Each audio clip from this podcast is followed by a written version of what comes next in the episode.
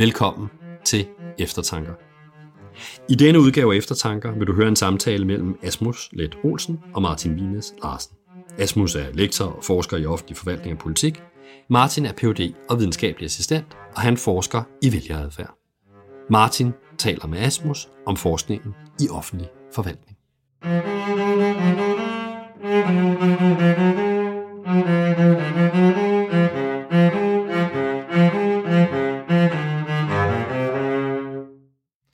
Asmus, jeg tænkte, vi kunne starte med øh, at have sådan et, et, et, et lidt åbent spørgsmål, øh, som er sådan, hvad, er det, hvad mener du, at det primært som øh, forskning i offentlig forvaltning øh, har overset, øh, og hvordan ser du ligesom, at, at øh, din, din forskning kan være med til at, at oplyse det, som, de, som du nu mener, de har overset? Altså, når jeg, øh, når jeg rejser verden rundt på konferencer og øh, forskellige steder, så plejer jeg altid at starte med at fortælle historien om, øh, om øh, Herbert Simon, som jo er for mig at se forvaltningsfagets største stjerne, øhm, og som jo var den første statskundskaber, der vandt Nobelprisen i 1978, for at netop at bringe øh, den psykologiske videnskab ind i økonomien. Men går man tilbage og læser nogle af Herbert Simons tidligste øh, skrifter, så kan man se, at han var i sin tid nok mest interesseret i at bringe psykologien ind i forvaltningsfaget, ind i det, vi kalder public administration.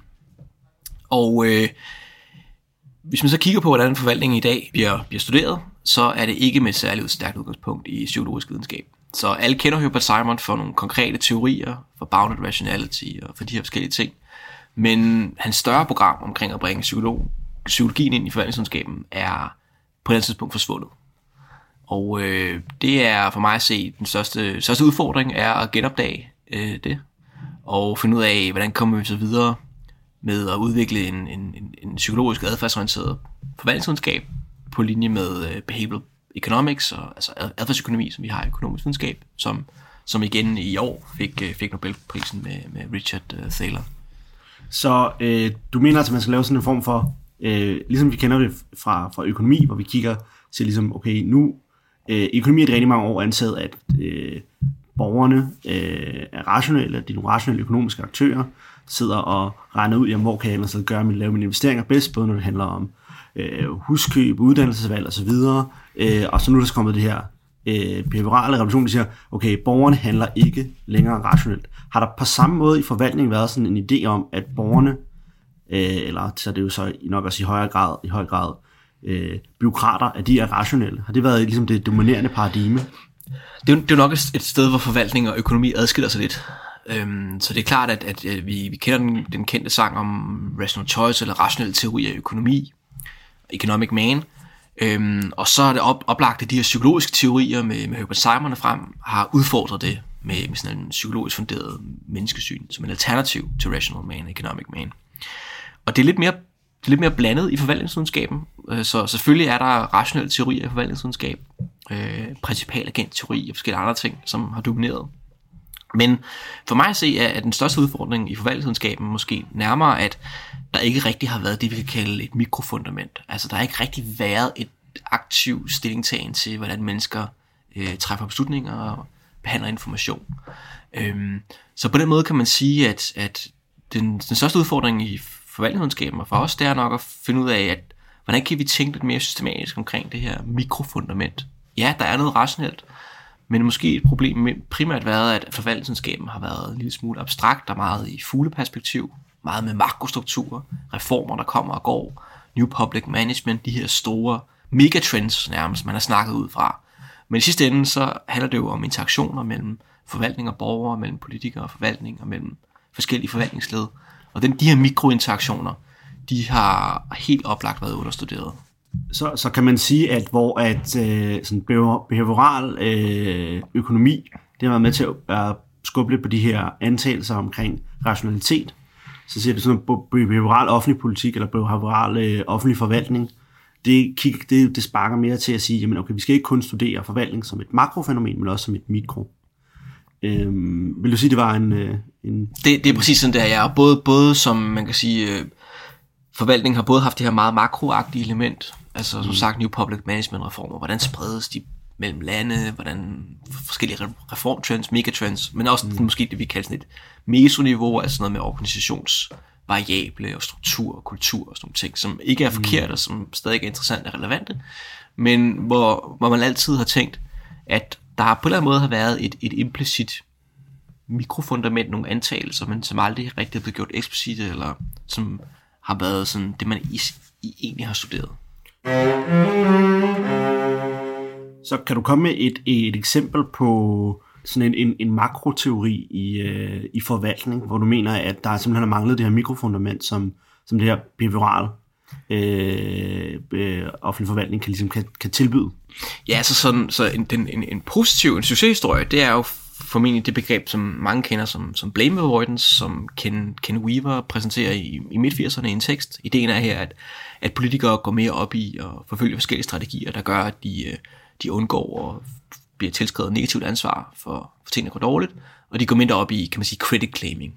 Øhm, så der er sådan en forskydning i, hvordan politikerne investerer deres tid og ressourcer. Og øh, i den tekst, der nævner, der, der nævner Ken Weaver eksplicit, at, at det her, det må skyldes, at, at, øh, at vælgerne er præget af negativity bias, vælgerne og borgerne er præget af negativity bias, det vil sige, de ligger mere vægt på, på negativ input end på positiv input, og det, det, det er så det, som forskyder sig op i det politiske system. Og i forvaltning, der, der har vi jo, øh, der findes der tusinder af tekster, der, der bruger blame avoidance teori til at studere til at studere politisk adfærd og til at studere byråkrater, men også til at, øh, til at kigge på struktur. Altså, det, det er jo bare lige for at skyde ind, så det er vel også noget, det som man kender fra, øh, fra, fra dansk politik, når man snakker om, at, øh, at der er en eller anden dårlig sag ude på et, øh, et plejehjem, i øh, måske på, på Mors, jamen så folketingspolitikerne, de siger, det er kommunalpolitikernes skyld, og kommunalpolitikerne siger, det er, øh, det er simpelthen øh, øh, plejehjemsbestyrens skyld. Øh, og plejehjemsbestyren skal, skal så ikke rigtig sparke, øh, sparke bolden så meget ned, men det er ligesom den, den proces, der er der blame avoidance. Præcis, øh, ja, præcis et, et, et, et, et, et andet godt eksempel på, at blame avoidance netop sætter sig igennem i, på det helt store sådan makroplan. Mm. Det kunne for eksempel være, øh, Hvorfor er det, vi stadigvæk har regioner i Danmark? Regionerne har ikke nogen politiske venner. Der er ikke nogen politiske partier eller aktører, som er meget investeret i regionernes overlevelse. Men for mig at se, kan regionernes overlevelse i høj grad forklares af øh, via blame avoidance. Øh, nationale politikere har ikke rigtig lyst til at have ansvar for sundhedsvæsenet. Øh, så på den måde kan man sige, at regionerne er det, vi vil kalde en agency strategy i blame, blame avoidance. Altså, hvordan kan vi lave noget strukturelt, der ligesom på, på sigt skyder et problem ansvar for et problem væk fra nogen til nogle andre. Og på den måde kan man sige, at så forklaring på, at regionerne ikke er nedlagt endnu, selvom de ikke har nogen venner, det er, at der er ikke noget godt øh, strukturalternativ, makroalternativ, som kan løse det samme blame problem lige nu, som regionerne gør. Og, og hvad er det så for en mikroantagelse, som du mener, der er i den teori, som, som man kan teste i, med, med det her behagelige? Ja, så man kan sige, så alt den her kæmpe snak, og den her, det her begreb, som nu er blevet brugt i tusinder af, af, af, af artikler, det bygger altså på, og det er jo altså begrebet, ham der har coinet begrebet, siger selv i artiklen, det bygger altså på en psykologisk teori om negativitetsbias, overdreven fokus øh, på negativ information blandt mennesker. Mm. Og, og hvor, hvorfor gør den det? Altså, hvorfor det? Hvordan hænger de to ting sammen? Jamen, ideen, ideen her er basalt set, at øh, så det er både en blanding af en psykologisk teori, kan man sige, og en rationel teori. Så mm. ideen er i princippet her, at politikere og embedsmænd, de kigger ud over borgerhavet og vælgerhavet, og så studerer de, hvordan de basalt set tilgår information. Og øh, de, de vurderer så, at de ligger overdreven væk, vægt på, på negativ input, og så tilpasser de deres politik derefter. Så blame avoidance er sådan den, den, den, den, den, best, den best option, hvis der rent faktisk findes negativitetsbias derude i verden. Men det er jo så også det, som et antagelse i den litteratur, øh, og som er blevet fundet, kan man sige, uden for forvaltningsvidenskaben. Men der er, det, det, det er et godt eksempel på, at, at vi har en masse af de her meso-makro-tekster omkring blame avoidance. De findes der i hundredvis, tusindvis, muligvis mm. inden for forvaltningsvidenskaben. Men mens vi kan tælle de tekster, der kigger sig på faktisk negativitetsbias, øh, kan, kan tælles på et par hænder. Og, men du sagde, det var en positiv historie, det her, i forhold til... For, hvad, hvad mener du med det? Jeg mener med det, at, at de tekster, der så rent faktisk har kigget på negativitetsbias i, øh, i forvaltning, de finder, at den er der. Og det betyder jo så, at det her mikrofundament for den her store blame avoidance litteratur, ja. øhm, rent faktisk er en rimelig og en god er en antagelse. Og det viser jo, hvorfor det er vigtigt, at mikro, makro og sådan mellem midrange mm. øh, perspektiver arbejder sammen, fordi de i sidste ende kan, kan underbygge og understøtte og øge troværdigheden af hinanden. Du har selv øh, kigget på, på det her med negativitetsbias VR i, øh, i øh, artikler, der, der er udgivet i, i førende øh, forvaltningstidsskrifter. Øh, og så jeg tænkte lidt, kunne, kunne du måske lidt øh, åbne, øh, åbne døren ind til forskerværelset og sige, jamen, okay, du havde den her virkelig som idé om, at der var den her store blame avoidance øh, litteratur, men der manglede, der manglede ligesom et mikrofundament. Hvad, hvad gjorde du så for ligesom at, at, at, at teste, om det mikrofundament var der, altså om, om vælgerne øh, eller borgerne i højere grad fokuseret på negative end positive øh, begivenheder. Ja, så, så, så, så min tilgang i det meste af min forskning, det er jo netop at tage de her mere relativt klassiske kanoniske psykologiske begreber, og så putte dem ind i en eller anden eksperimentel ramme, hvor vi, hvor vi kan manipulere information på forskellige vis, give folk noget forskellige typer information, og se, hvordan de reagerer på det. Og i om, de, om de reagerer i overensstemmelse med de her teorier. Og det har så, det har så gjort i en, en række forskellige artikler, det er at prøve at give folk negativt og positivt lavet information, men hvor den faktiske informationsindhold er den samme. Det er det, vi kender for eksempel fra ekvivalensframing, koppen er fuld, koppen er tom. Der er 50% væske i koppen, men vi kan vælge at lægge vægt på positive og negative aspekter af den her information. Det er sådan en rigtig hård konservativ test af det, fordi ideen er jo her, at det er egentlig ikke rigtig negativ og positiv input, men det er negativ og positivt lavet input, folk får, og så ser vi, hvordan folk reagerer på det. Og øh, der kan man så vise på, på tværs af masser masse forskellige eksperimenter, at, at, at borgerne reagerer langt stærkere på på f.eks. resultatinformation, som er negativt lavet end positivt lavet, og det sætter sig igennem i deres evaluering af offentlige organisationer. Men det sætter sig også igennem på den måde, at vi kan se, at, at når vi giver folk negativt lavet information, så er der langt højere sandsynlighed for, at de tænker over ansvarstilskrivelse. Så, så borgerne er ligeglade med, hvem der har ansvaret for, når det går godt, men de er meget bekymrede for, hvem der har ansvaret, når det går dårligt. Og der får vi jo et meget direkte link til, hvorfor politikere, embedsmænd og andre skal bekymre sig om negativitetsbias. Fordi at nu ved de, at at når det går dårligt, så er der ikke kun sandsynligt, at borgerne giver en meget mere negativ evaluering af organisationen, men der er også, det er også mere sandsynligt, at de begynder at tænke over, hvem har ansvaret for det her. Hvem skal have ansvarlig for de her, for de her ting. Kan du komme på et eksempel på, hvor at øh, man har taget kigget på sådan mere øh, nogle antagelser, som der gør sig af nogle af de her makroteorier teorier om organisationskultur, eller teorier omkring, hvordan øh, at øh, hvad hedder det, sådan nogle øh, forskellige ministerier eller kommuner fungerer, hvor, at der er, hvor den behaviorale øh, offentlige forvaltningsforskning har peget på, hov, der er misset øh, teorien. Så det her, det, det er det, du snakker om før med, med blame avoidance, der var det virkelig som om, der, der, der underbyggede det. Kan du komme på et eksempel på, hvor det modsatte sker, altså hvor man siger, hov, øh, I havde glemt jeres mikroantagelser, og det gjorde altså, I, øh, I, I egentlig endte med at, at konkludere noget, der, der nok ikke var helt rigtigt.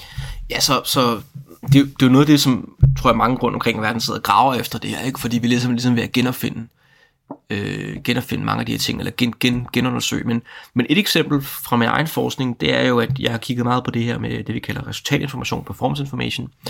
Og øh, noget simpel psykologisk teori fortæller os, at i, kan man sige, potentialet for statistisk generel information til rent faktisk at trænge igennem til borgerne er ret lille, fordi borgere tænker mere i enkelt cases, de tænker mere i konkrete tilfælde og i, og i egne, og egne oplevede historier.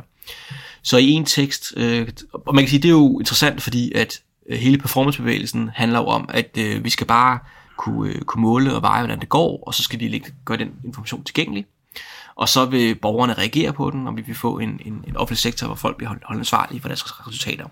Så vi har jo en kæmpe makrotendens, og det er et af de, det er et, et af det kan man sige, det er et af de bærende ben i New Public Management, det er jo hele ideen om at, at måle, måle performance, måle resultater. Så det er det, vi kender fra offentlige tests i folkeskolen, øh, når der står på... Skoleranglister, ja, ja, ja. Øh, alt fra stort til småt. Både ledelsesinformation, men også information eksternt. Ventelister på sygehus, sygehus og man kan jo blive, man, kan, man kan blive ved. Tilfredshedsundersøgelser, alle de her ja. ting.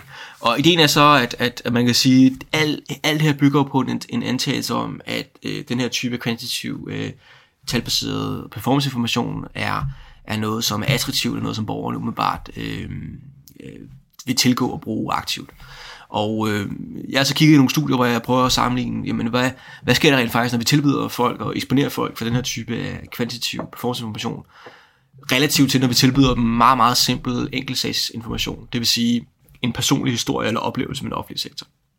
Hvordan, hvordan, hvordan påvirkes folk af de to forskellige, meget forskellige typer information? Og der kan vi bare se, at, at de påvirkes langt stærkere af de her enkeltsager, de her øh, sager, hvor der bliver sat et personligt ansigt på et problem. Øh, de bliver mere øh, følelsesmæssigt påvirket af dem, og de bliver mere... Øh, øh, deres evaluering af offentlige organisationer bliver mere påvirket af den type information, af den statistiske information.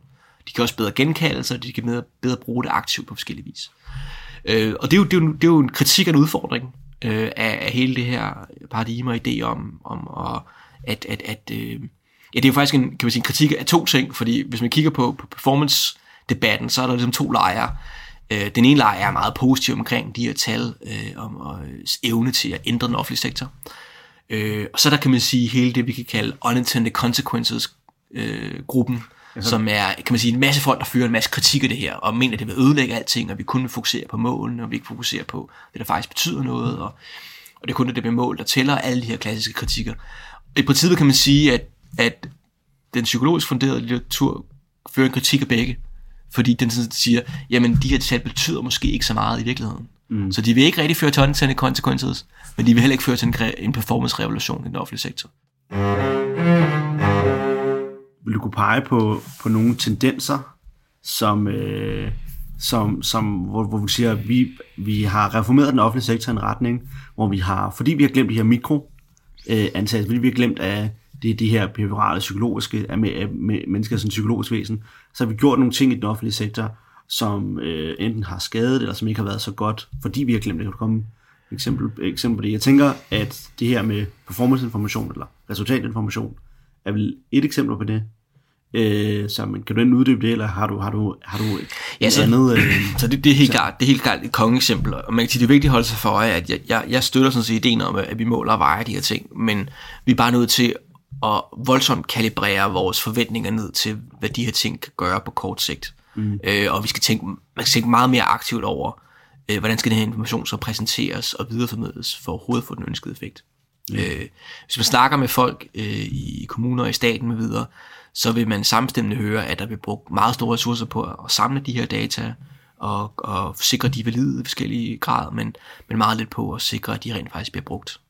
Øhm, og det er sådan set også øh, det er sådan set også øh, tilfældet her. En anden, en anden kritik, som, som ikke, ikke er sådan helt vinkelret på min egen litteratur, kan man sige, eller min egen interesse, men, men som måske er et, et, et tidligt eksempel på psykologisk teori i forvaltningsvidenskaben. Det er jo hele debatten omkring øh, public service motivation.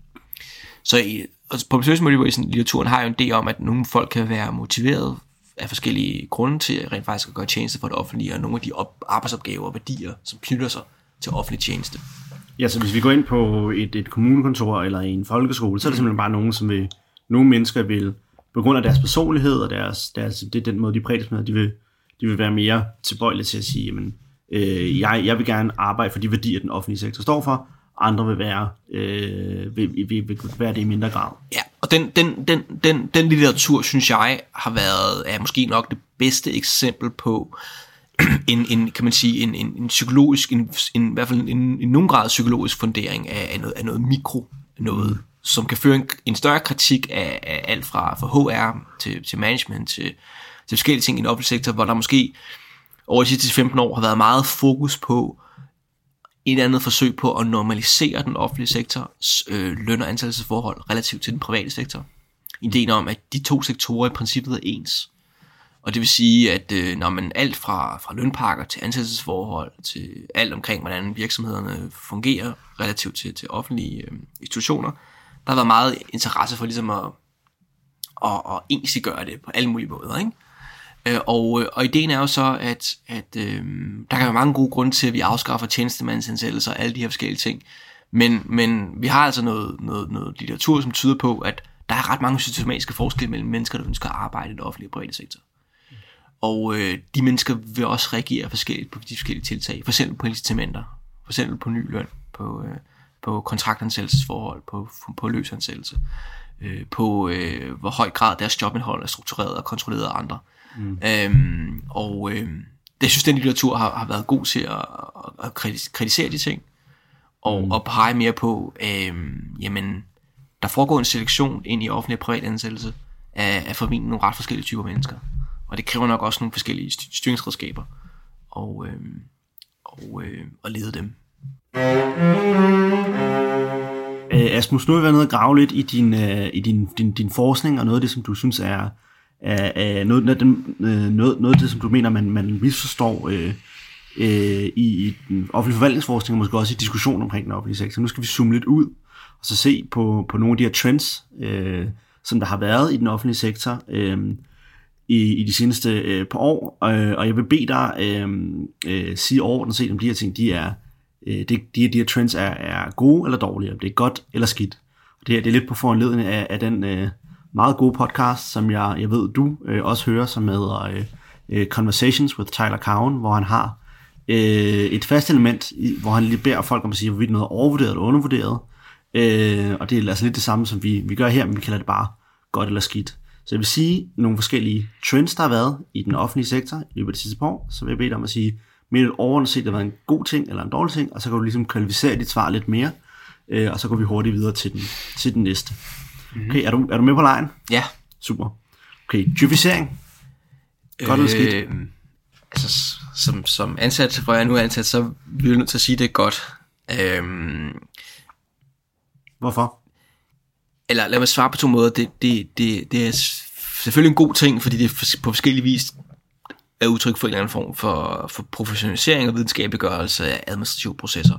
Hvis vi tænker på djøffer, der overtager HK-funktioner forskellige vis. Øhm, men det, det dårlige ved det er nok, at det er et meget øh, øh, det er et underbelyst begreb, øh, også i den danske forskning. Øh, vi er, har ikke så mange gode studier af, hvad det rent faktisk har effekt. Øhm, vi har nogle forskellige studier, jeg selv har lavet meget tidligt i min karriere, som kigger lidt på, jamen, hvad sker der, når der kommer flere djøffer i kommuner i forhold til, hvad, hvad kommunen foretager sig. Der er noget, der tyder på, at kommunen bliver mere innovativ og gør forskellige ting. Men det er også nogle studier, som designmæssigt gør, at, at man nok skal være lidt varsom med at konkludere alt for hårdt på dem. Så mit, ind, mit indtryk er lidt mere generelt, at djøfisering har, måske ikke så overraskende, et noget bedre image på, øh, inden for den, i den danske forvaltningsforskning, den har den brede offentlighed. Hvorfor, hvorfor tror du, der er det her øh, øh, disconnect mellem, hvad, hvad, hvordan forskerne forholder sig til det, og så den almindelige dansker, som jeg vil tro vil sige overordnet set, at djøfisering var en, var en dårlig øh, idé. Hvad, hvad, hvad skyldes den forskel? Men tror du? Djøfisering er ses vel øh, af mange jo, på mange måder kan man sige, djøfisering passer egentlig bare ind i den klassiske fortælling om skrankepaven af byråkraten. Ikke? Så, så djøfiseringsbegrebet, er, som jeg ser det, det bliver brugt i folkemunden, øh, så, så, så er det egentlig bare en, en, en, videre, en, en fornyelse af den klassiske fortælling. Øh, det passer også ind i ideen omkring kolde hænder og varme hænder. Ikke? Øh, så det her, vi gør med forskellige personer, der flytter papir rundt, gør ting, gør ting besværlige. Mm. Øhm, men, men jeg vil generelt sige, at, at altså, både det her med offentlighedens opfattelse af det, mm. så sådan, der kan man sige sådan, hvad, hvordan bliver der set på djøfisering, hvordan forstås djøfisering, er underbelyst forskningsmæssigt, mm. men også vores forståelse af, det, hvad, det, hvad det faktisk har af betydning ude, ude, ude i samfundet, ja. er underbelyst. Perfekt. Nå, vi går videre øh, til den næste ting, du skal sige, der er godt eller skidt. Det er så Bo Smidt-udvalget, godt eller skidt? øh, godt, at, øh, at det blev nedsat og lavet en grundig rapport omkring embedsmandsnormer. Øh, så oplagt godt. Øh, grund til, det er et interessant spørgsmål, det er selvfølgelig, fordi at her i det her efterår har der jo været en del øh, debat om Busmiddelvalgets arbejde, fordi der har været en kommet en ny artikel i skriftet Politika fra nogle forskere fra RUK, som, øh, som kritiserer noget af det metodiske i Busmiddelvalget, og den debat, der også har kørt i, øh, i information. Øh, jeg synes, det grundlæggende det er, nogle af kritikpunkterne er sådan set øh, relevante nok. Øh, og øh, jeg synes, hele debatten omkring embedsmands, embedsmandsnormer er, er god, øh, god og vigtig. Øh, så, så udvalget er godt, og det her det er oplagt også et område, hvor kan man sige, hvor psykologiske øh, vinkler på de her ting har, har, øh, har, har mulighed for at sige nogle ting i fremtiden. Øh, spørgsmål omkring faglig identitet og normer. Øh, hvordan kan de manipuleres, ændres, formes over tid? Mm. Øh, er selv noget, jeg begynder at interessere mig ret, for, ret meget for. Så, så derfor så er jeg også nødt til at sige, at, at øh, det, er, det er ikke nogen tanker, jeg, jeg ville have tænkt, uden at Bosmældevalget havde sat den på dagsordenen igen. Super. Øh, vi går videre til færre større kommuner, altså kommunalreformen. Godt, godt eller skidt? Øhm, det har været rigtig, rigtig godt for nogle af vores kære kollegaer i Aarhus, for de har pumpet øh, artikler ud i de bedste tidsskrifter inden for feltet omkring den her stakkels kommunalreform, og det, det har vi meget sjov med, når vi møder dem. Øhm, så det har været fantastisk for dansk statskundskab, plejer jeg at sige. Øh, du finder ikke nogen som helst politisk begivenhed i dansk statskundskab, som har givet så mange topartikler i, i de bedste tidsskrifter som den, øh, den reform. Men, ja, men det, det er klart, det er nok ikke det, den skal, den skal bedømmes på. Øhm, der er jo rigtig meget forskning, der tyder på, at den har haft nogle negative konsekvenser for økonomi, og de økonomiske konsekvenser er ligesom positive konsekvenser er udeblevet. Mm. Øhm, der kunne man igen forestille sig, at forskellige, et mere stærkt mikrofundament havde, havde måske gjort det mere klart fra starten, at, at, at, øh, at, at, at, øh, at det var tilfældet. Øh, men øh, jeg tror, at så når det er så sagt, så tror jeg grundlæggende, at, at, det, øh, at, at, at der ville være kommet en, en strukturreform før eller siden. Øh, om det så var en helt rigtig, det, det tror jeg ikke er, ikke er en rigtig til at bedømme. Super. Mere, mere fokus på performance indicator, der har vi allerede været lidt inde på. Er det godt eller skidt? Ja, det er grundlæggende en god ting. Øhm, øh, Øh, fordi at jeg er, jeg er videnskabsmand, og øh, jeg tror på, at man, skal, man kan måle og veje ting. Og det er, det er konstruktivt godt at gøre. Øh, men som videnskabsmand, så ved man også godt, at, at det er et, et begrænset publikum, som ser det på den samme måde, og som bruger de ting øh, på den samme måde. Så, så nu er der behov for, at vi begynder at måske øh, måle og veje lidt mindre, men, men måle og veje sådan lidt mere fokuseret, øh, og på måder, der gør, at vi rent faktisk kan tale om, øh, om effekter. Super. Udflytning af offentlige arbejdspladser. Godt eller skidt? Nu bliver der stille. Ja. Svært altså, spørgsmål, eller? Ja, svært spørgsmål. Jeg, jeg tror ikke, jeg vil fælde dom over, om det er godt eller skidt andet, end, men jeg synes, det er vanvittigt interessant. Mm. Og øh, hvis man skal bruge... Øh... Så jeg kan sige, du har jo tidligere skrevet noget om øh, netop det her, hvor du sagde, at det, at det måske kunne godt være en overraskende god idé, selvom mange, mange måske vil være kritiske over for det. Hvad, hvad, hvad, hvad, hvad, hvad var din pointe der? Ja, jeg fik lidt, jeg, fik lidt, jeg kom lidt i, i kambolage med vores fagforening, Jeff, øh, da, da jeg skrev det, men... Øh, det, det er jo helt oplagt, der, der er mange negative ting ved det i forhold til, øh, at øh, det, det virker som sådan relativt politisk motiveret grund til at splitte organisationer op og flytte dem rundt i landet. Og det er nok ikke godt for, for deres, kan man sige, øh, hvordan de fungerer. Men det, jeg skrev i artiklen, det var jo ideen om, at, at, øh, at det er oplagt, at øh, mange steder i landet, så møder, møder borgerne ikke øh, statsansatte. Øh, og det betyder også, at statsansatte er rekrutteret fra særlige egne i landet. Og man kan forestille sig, at man kunne i virkeligheden få en mere geografisk repræsentativ statslig sektor. Øh, det vil sige, at, at folk i, øh, i forskellige steder i Jylland, hvor der er relativt få statsansatte, de nu i højere grad har mulighed for at møde statsansatte i deres dagligdag, og også møde statsansatte, som har samme baggrund og historik som dem selv. Mm. Og i USA og mange andre steder, så er der jo meget, meget stor interesse for øh, det, vi kan kalde sådan et repræsentativt byråkrati. Ideen om, at øh, byråkratiet, øh, der er forskellige fortolkninger af, hvordan det er, men en minimumsfortolkning er, at, det er, at byråkratiet i et eller andet omfang afspejler befolkningen. Mm. I USA er der meget interesse for for eksempel at, øh, at sikre, at, at politiet afspejler øh, den etniske sammensætning af befolkningen. Øhm, og uden sammenligning i øvrigt, så, så, så, så, så, er det, så synes jeg, at ideen om, om, om, øh, om, at det også kan have nogle positive konsekvenser for, for, for statsapparatets legitimitet. Øh, men, men i Danmark er vi jo 4-5 millioner mennesker, og vi er i det de mest homogene samfund i verden. Er det, er det så ikke en, altså, at, at, gør det det ikke et, til en, noget, der er mindre bekymrende end i, i USA, hvor at sorte ikke møder sorte politimænd i, i, i Ferguson?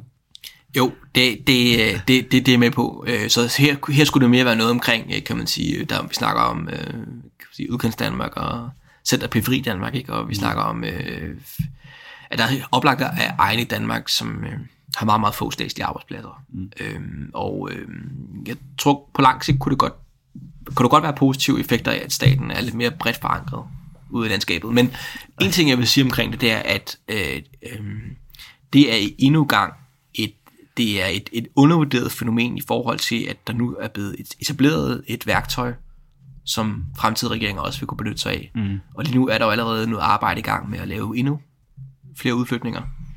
Øh, så på den måde vil jeg sige, at som, øh, som, som, øh, som forvaltningsreform, forvaltningsadministrativt ændringsværktøj, så er det meget undervurderet, for nu er simpelthen, vi har fået en helt ny, kan man sige, en helt, helt ny ting i værktøjskassen, som jo øh, som har meget, meget store konsekvenser for, hvordan, øh, hvordan den offentlige øh, sektor fungerer. Øhm, Så, øh, og så vidt jeg ved, er der ikke lavet øh, egentlig øh, akademisk forskning på det her endnu. Øhm, den sidste ting, du skal vurdere her, det er konkurrenceudsættelse, godt eller skidt? Så konkurrenceudsættelse altså, når, øh, når kommuner sender, øh, i stedet for at lade, lade øh, selv, selv tage sig af, af offentlige opgaver, som f.eks. at uddele hjemmehjælp eller bygge veje, udlicitere det til private virksomheder. Det er godt eller skidt? At det er jo to forskellige ting, så konkurrenceudsættelse, det er jo bare, at, at nogle private får mulighed for at byde på opgaven, ikke? Ja. Og det tror jeg, der grundlæggende er godt. Øhm, Men altså, hvis de ikke får, kan få lov til at tage den, så er det jo også lidt et problem. Det kan få lov at vide på. det er klart, men, men, men igen, igen, igen kan man sige, at, at, at øhm, her har vi igen at gøre med et spørgsmål, som måske i høj grad er blevet diskuteret ud fra forskellige økonomiske hensyn. Og, og vi har en del nyere litteratur, der, der, der studerer borgernes syn i Danmark på øh, privat og offentlig opgavevaretagelse. Og, og øh, man kan diskutere om, hvad, hvad det er, borgerne giver udtryk for det, om det er sådan stereotyper eller fordomme og forskellige ting, men vi kan se, at borgerne har meget, forve- meget forskellige forventninger til, hvad den private og offentlige sektor leverer. Og de forventer for eksempel, at, at den offentlige sektor er mere fokuseret på ligebehandling. Øhm, men de, de, de mener også, at der er fordele i forhold til effektivitet og omkostninger i, i den private sektor. Så igen, at, at, tror jeg, at det er vigtigt at tænke, tænke over, at, at, øh, at så der er forskellige mennesker, der, arbejder, der ønsker at arbejde i to forskellige sektorer, men borgerne har også meget forskellige forventninger til de to sektorer. Og det, det er måske noget af det, der går tabt, når man diskuterer det på den måde. En af, dine, øh, en af de, de klare strømninger, kan vi godt mærke i din forskning, er det her fokus på det psykolog, psykologiske og det, det er behaviorale offentlig forvaltning. Men øh, der er også en anden øh, ting, som fylder meget i din forskning, som du allerede har, har nævnt, og det er øh, det her med eksperimenter. Så øh, i ret er der kommet flere og flere øh, eksperimenter, men øh, jeg vil nok sige som en, der kender både lidt til forvaltningsforskning og en del til statskundskabsforskning bredt, at det virker som om, at offentlig forvaltning generelt hænger lidt mere i bremsen end øh, andre dele af, mm. af, af, af statskundskaben. Sig om, hvorfor tror du det er, og hvorfor øh, mener du, det er så vigtigt, at de ikke skal hænge i bremsen, men, men, øh, men skal trykke på speederen i stedet for, når det kommer til eksperimenter? Ja, der, kan du sige, der, der er to måder, som, som eksperimenter øh, bliver brugt på nu i stigende grad i forvaltningsvidenskab, men jeg er enig i, i mindre grad. Det ene er jo som, som et, et hardcore forskningsværktøj, hvor vi prøver at, at skille forskellige teorier ad. Det er fx laboratorieeksperimenter eller søgeeksperimenter. Øh, så det, kan sige, det er den mere sådan grundforskningsbaseret brug af eksperimenter. Men den anden er jo det, vi kan kalde fældeeksperimenter, eller eksperimenter med, med offentlig politik eller struktur i den virkelige verden, hvor, øh, hvor de jo også begynder at snige sig ind lige så langsomt, men stadigvæk mindre, end man burde, burde forvente det, det, som jeg plejer at sige til, til studerende, det er jo øh, prøv at stille dem spørgsmålet, at, at øh, hvis man går ind og kigger på, på Lægemiddelstyrelsen, Sundhedsstyrelsens hjemmeside, så kan man se, at der er nogle, regler for, hvis man ønsker at bringe et lægemiddel på markedet i Danmark. For eksempel så skal det have været i en forskellige former for lodtrækningsforsøg, fase 1, 2, 3 forsøg, for at man bringe det på markedet. Og plejer at stille spørgsmålet, øh, hvordan kan det være, at, at de fleste typer af offentlig politik, øh, hvis de var et lægemiddel, ville være forbudte? Fordi de, hvad set, ikke har været udsat for forskellige typer af lodtrækningsforsøg. Ja. Og med lodtrækningsforsøg mener du igen bare et, et, et eksperiment, eksperiment, hvor vi tilfældigt tildeler, nogen får øh, den offentlige politik, andre får det, andre yes. får det ikke. Øhm, og så, så har vi en god diskussion af det, at der, der, er selvfølgelig oplagt forskel på, på, på, på, på, på medicin, øh, forskellige typer medicin, og så forskellige typer offentlig politik, men der er jo også nogle, der er, der er også nogle lighedspunkter. Med medicin. Nogle siger, ja, men medicin er jo, er jo alvorligt, det, det er jo, handler om liv og død sige, at det er også meget offentlig politik, der handler om liv og død. Mm. Øh, nu kan vi se med, med bandekriminalitet og skyderier og sådan nogle ting. Vi kunne tænke på alle mulige forskellige typer interventioner, der kunne, øh, der kunne reducere de der ting. Og jeg tror, at når, når, når den debat så har kørt på, på, på mit uh, seminarhold i noget tid, så, så begynder vi at diskutere lidt mere omkring, jamen hvad, hvordan, hvordan, hvordan kommer vi ligesom videre øh, med de her ting. Og øh, jeg forestiller mig i fremtiden, og det mener jeg også er en stærk motivation for, hvorfor studerende skal, skal metodisk lære og foretage eksperimenter i forskellige grader, at det er, at jeg tror, jeg tror og håber, at om 10-15 år vil vi tilbage på den tid, vi nu lever i, og, og tage os lidt til hovedet. Lidt på den samme måde, som, som andre videnskaber gjorde, når man øh, stak nogle folk, eller lavede mere eller mindre uetiske forsøg i gamle dage, hvor man sagde, jamen hvorfor, hvordan, hvordan tillod vi os så meget offentlig politik ikke gennemgik en eller anden form for hård evaluering? Mm. Øhm, og det betyder så også, at jeg tror, at der vil være et meget, meget stort arbejdsmarked. Øh, ikke kun for forskere, men nok, nok navnligt for praktikere, som arbejder i organisationer. Jeg forestiller mig, at øh, de fleste kommuner, de fleste styrelser, de fleste, de fleste departementer øh, med videre, de vil have øh, eksperimentalister ansat. De vil have folk, der bruger al deres vågne tid på øh, at e- effektevaluere alle tiltag, der er muligt kan effektevalueres inden for en organisation. Nogle gange så taler jeg med, med, med de her eksperimenter med min, øh, med min brors øh, øh, kone, som arbejder øh, på sådan et øh, socialt, øh, sådan et, et, et, et, leder på sådan et dagtilbud for, for folk, der er mentalt handicappede. Og de, øh, de øh, øh, på mennesker med, med mentalt handicap, og det som hun altid siger, når jeg siger det her med, at der skal flere eksperimenter ind i Shetland, siger, men du kan ikke eksperimentere med de her ting. Det er umuligt at gøre. Øh, det er simpelthen alt for komplekse forhold, og øh, det er umuligt at måle, hvorvidt de her folk øh, får det bedre, det er umuligt at, at på en forsvarlig måde ligesom at, at, at teste de offentlige politikker. Hvad, hvad, hvad vil du sige til, til hende? Jeg vil nok sige også, at der er nok mere oplagte cases end lige den case. Både i forhold til, til, til hvor stor brugergruppen er, og hvor, hvor, hvor, meget, du, hvor meget du ligesom kan forsøge inden for den gruppe der. Ikke? Så, mm. så, så hun har jo selvfølgelig ret. Altså selvfølgelig har hun ret et eller andet sted. Nu, nu hun gør med en meget, meget specialiseret gruppe med nogle meget spe- svære problemer. Øhm, og øhm, så, selvfølgelig, så, så selvfølgelig har hun ret, så det er nok ikke lige der, jeg vil begynde. Men, men, men, men, men jeg vil ændre et eller andet sted. Altså vi skal huske, at rigtig meget medicinsk forskning nogle gange også øh, handler omkring nogle meget, meget specialiserede patientgrupper, og nogle meget, meget svære problemer, mm. hvor vi faktisk ikke kender sygdommens årsag. Vi ved ikke, hvorfor folk er blevet syge. Øh, så vi, vi, vi fægter i blinde med forskellige typer af teori, øh, biokemi, videre, alle mulige måder, og prøver at give dem øh, forskellige typer medicament, medicamenter, som så kan, kan mindske deres, deres symptomer.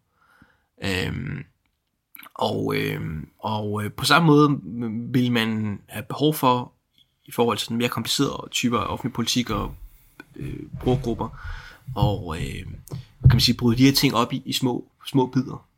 Altså teste små aspekter af, af, af et problem. Af, øh, for kommende eksempel, øh, som, som ikke relaterer sig fuld, helt til det der, men, men, men, men øh, vi, vi sidder jo selv lige nu med, med, med kan man sige, et felteksperiment, øh, hvor vi, øh, hvor vi sender nogle, nogle flyers ud til, til borgerne, som skal hjælpe borgerne med, øh, hvordan de kan beskytte sig mod indbrud, hvordan de kan finde ud af, hvad sandsynligheden er for, at der bliver begået indbrud hos dem, og hvordan de kan tænke mere konstruktivt omkring ansvarstilskrivelse for indbrud, hvis det sker. Altså, hvilke politiske øh, administrative aktører kan, kan afhjælpe problemet. Og, og det er jo oplagt, at, øh, at, at, at noget af det, vi har fundet ud af i den proces, det er, at, at selv et så relativt simpel intervention, der er der så mange bevægelige dele, man kan dreje på, og så mange kombinationer af information og indpakning af ting, man kan gøre, at vi kunne i princippet have lavet mange forskellige versioner af det eksperiment. Men vi er på den tidspunkt nødt til at, at begrænse det. Øhm, og øhm, ideen er jo, at, at, øh, at øh, den eksperimentelle tilgang skal på en eller anden måde blive en, en kultur. Det skal jo noget, vi gør hele tiden. Så det er ikke noget, vi gør fra gang, en gang imellem, og stopper vi op. Det er noget, vi gør hele tiden. Og på den måde kan man godt forestille sig, at selv de steder, hvor problemerne er meget komplicerede, og der er relativt få brugere, hvor der er lille mulighed for at teste ting, der skal man forestille sig, at det, det, det her det vil være en konstant, der ligesom hele tiden, øh, hele tiden flytter lidt på nogle små ting, ser hvad der sker ved det, flytter tingene tilbage, eller flytter på nogle andre ting, ser hvad der sker på den måde. Og, så, så, det, så det kan sige, den, den eksperimentelle tilgang bliver ligesom en, ja, bliver en, en, en, en kulturel ting, der gennemstrømmer organisationen.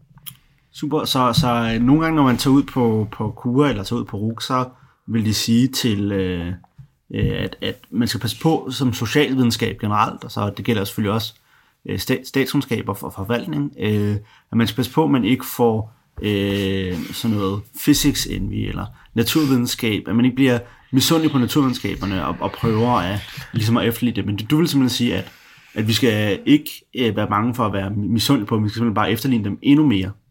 Ja, både og, ikke? Fordi på den ene side kan man sige, at, at øhm, der er også mange af de videnskaber, som er, er meget matematiske, og som tænker meget over meget formelle modeller, og som øh, for eksempel kan modellere ting, eller i, i, i lukkede systemer. Så på nogle, på nogle områder, så, så er, er nogle af de problemer, de, de, de, de opererer med, de er, de kan virke meget mere komplicerede, men, men der er måske færre bevægelige dele.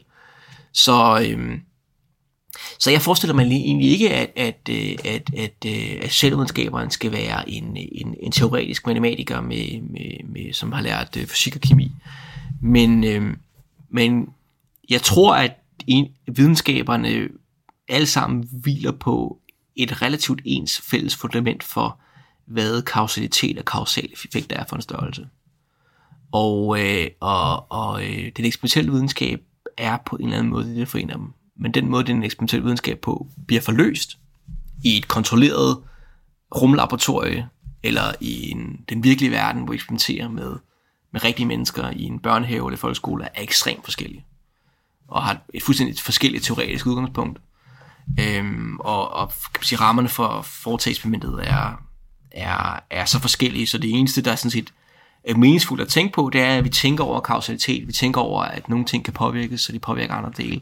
Vi tænker over, at, at der, var, der er noget, vi kan måle, der er noget, vi kan skrue op og ned på, øh, som måske, måske ikke har en effekt på noget andet, vi kan måle.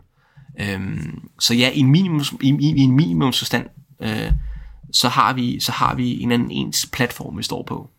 Øhm, men når det så er sagt, så, så, øhm, så mener jeg ikke, at, øh, at, at statskundskab eller socialvidenskaben som sådan har, har noget at være misundelige over, når de kigger på fysikerne. Super. Asmus Let Olsen, tusind tak, fordi du vil være med. Hvis man vil læse mere om øh, Asmus forskning, så kan man gøre det på polski.ku.dk-bpal.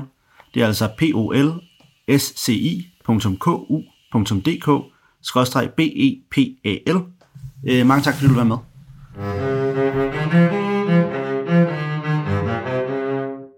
Du har lyttet til Eftertanker Eftertanker er produceret af Institut for Statskundskab ved Københavns Universitet. Du kan læse mere om instituttet på vores hjemmeside eller på Facebook. Tak fordi du lyttede med.